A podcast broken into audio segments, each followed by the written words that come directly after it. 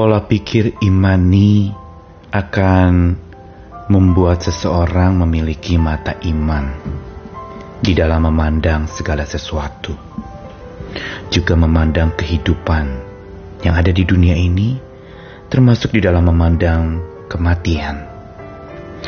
Tentu saja, kalau dengan mata biasa dan pola pikir duniawi, kita melihat kematian adalah sesuatu yang berupa akhir dari segalanya. Sudah mati ya sudah, tidak akan ada lagi kelanjutannya.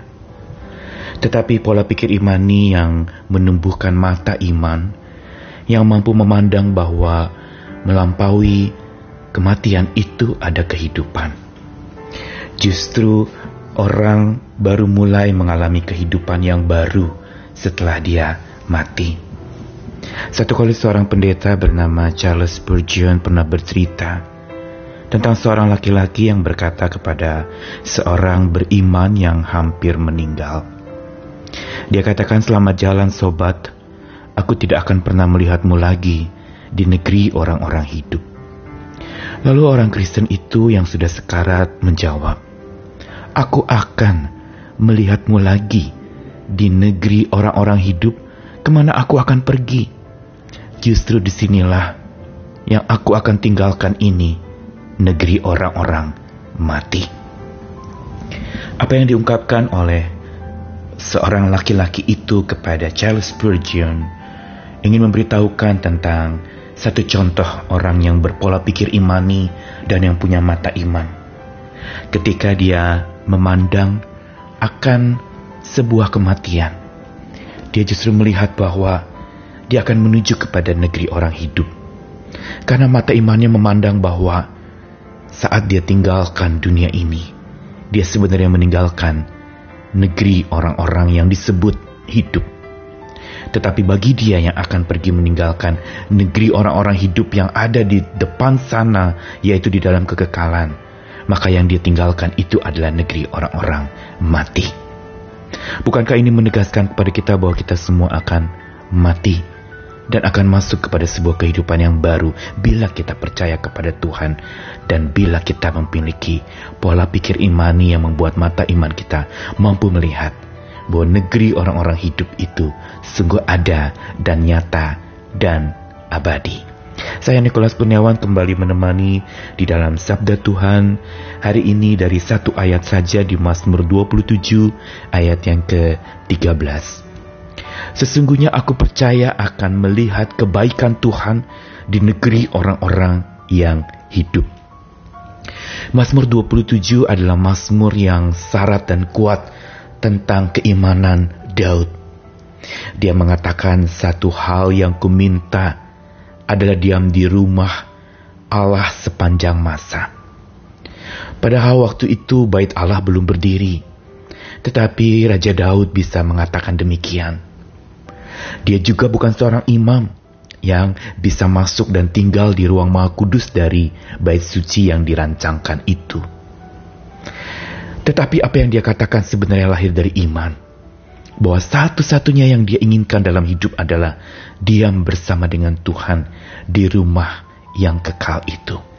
Di rumah Tuhan, di mana ada kenyamanan dan kebaikan yang sempurna, itu terjadi dan terpraktekkan di sana. Dan inilah yang lalu kemudian disambut dalam Mazmur 27 ayat 13. Daud punya keyakinan, sesungguhnya aku percaya akan melihat kebaikan Tuhan di negeri orang-orang yang hidup. Dan karena nuansa Mazmur 27 ini adalah Mazmur masa depan, Mazmur rohani yang melihat sesuatu melampaui apa yang kelihatan atau melihat sesuatu padahal itu belum kelihatan. Dan inilah yang Daud lihat dia melihat kebaikan Tuhan di negeri orang-orang yang hidup yang bukan semata negeri di mana dia sebagai orang-orang yang hidup itu.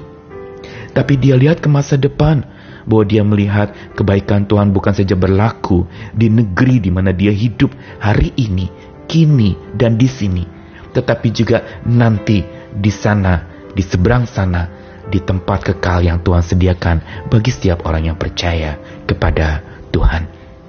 Karena itulah maka Daud punya keyakinan, sesungguhnya aku percaya akan melihat kebaikan Tuhan di negeri orang-orang yang hidup. Bagaimana dia bisa melihat?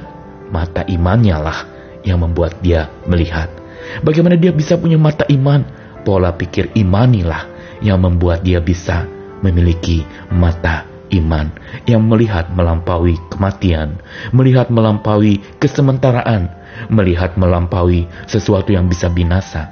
Ada yang maha hidup yang menanti di sana. Ini berita penghiburan buat kita. Dan ini juga yang salah satu praktik pola pikir imani kita ketika kita melihat kematian atau kita menghadapi orang yang terdekat dengan kita, yang kita sayangi, pergi meninggalkan kita, mati. Dan dia sesungguhnya, bila dia percaya kepada Tuhan, dia masuk ke negeri orang-orang hidup yang ada di sana, yang ada di seberang sana, yang nanti, yang maha abadi, yang kekal, yang di sana bukan yang di sini. Dan sementara itu kita yang ada di sini, biarlah kita bersiap-siap meninggalkan negeri di mana kita tinggal hari ini. Negeri yang nanti kita akan sebut sebagai negeri orang-orang mati karena kita tinggalkan ini dan kita masuk ke negeri orang-orang hidup babak baru, yaitu yang abadi, yang tidak pernah dapat binasa, yang tidak ada ratap tangis, yang tidak ada perkabungan dan duka cita, yang ada adalah sukacita sejati, yang ada adalah persekutuan damai, cinta kasih yang terpraktekkan. Bukan persekutuan konflik dan peperangan, kebencian seperti yang ada di dunia ini. Karena itu tidak berlebihan seperti kisah seorang muda yang tadi dijumpai Charles Spurgeon. Dia mengatakan, di sini negeri orang-orang mati. Yaitu ketika cinta kasih mati, ketika damai itu mati, ketika segala apa yang harusnya itu menjadi kebenaran mati, maka itu adalah negeri orang-orang mati. Karena itu saudara-saudara ketika kita masih diberi kesempatan untuk hidup di negeri orang-orang hidup di, di sini dan kini, bersiaplah untuk masuk ke negeri orang-orang hidup di sana dan nanti. Tentu saja bersama dengan Tuhan Sang Maha Hidup yang mampu membawa kita dari negeri orang-orang mati menuju negeri orang-orang hidup. Harapan selalu tersedia bagi mereka yang punya mata iman, dan mata iman selalu ada bagi mereka yang memiliki pola pikir imani. Tuhan mengasihi kita, tetaplah percaya, kuatkan hati, dan tetap tabah menjalani hari ini sampai satu saat kelak kita dipanggil pulang menjumpai Tuhan muka dengan muka. Amin.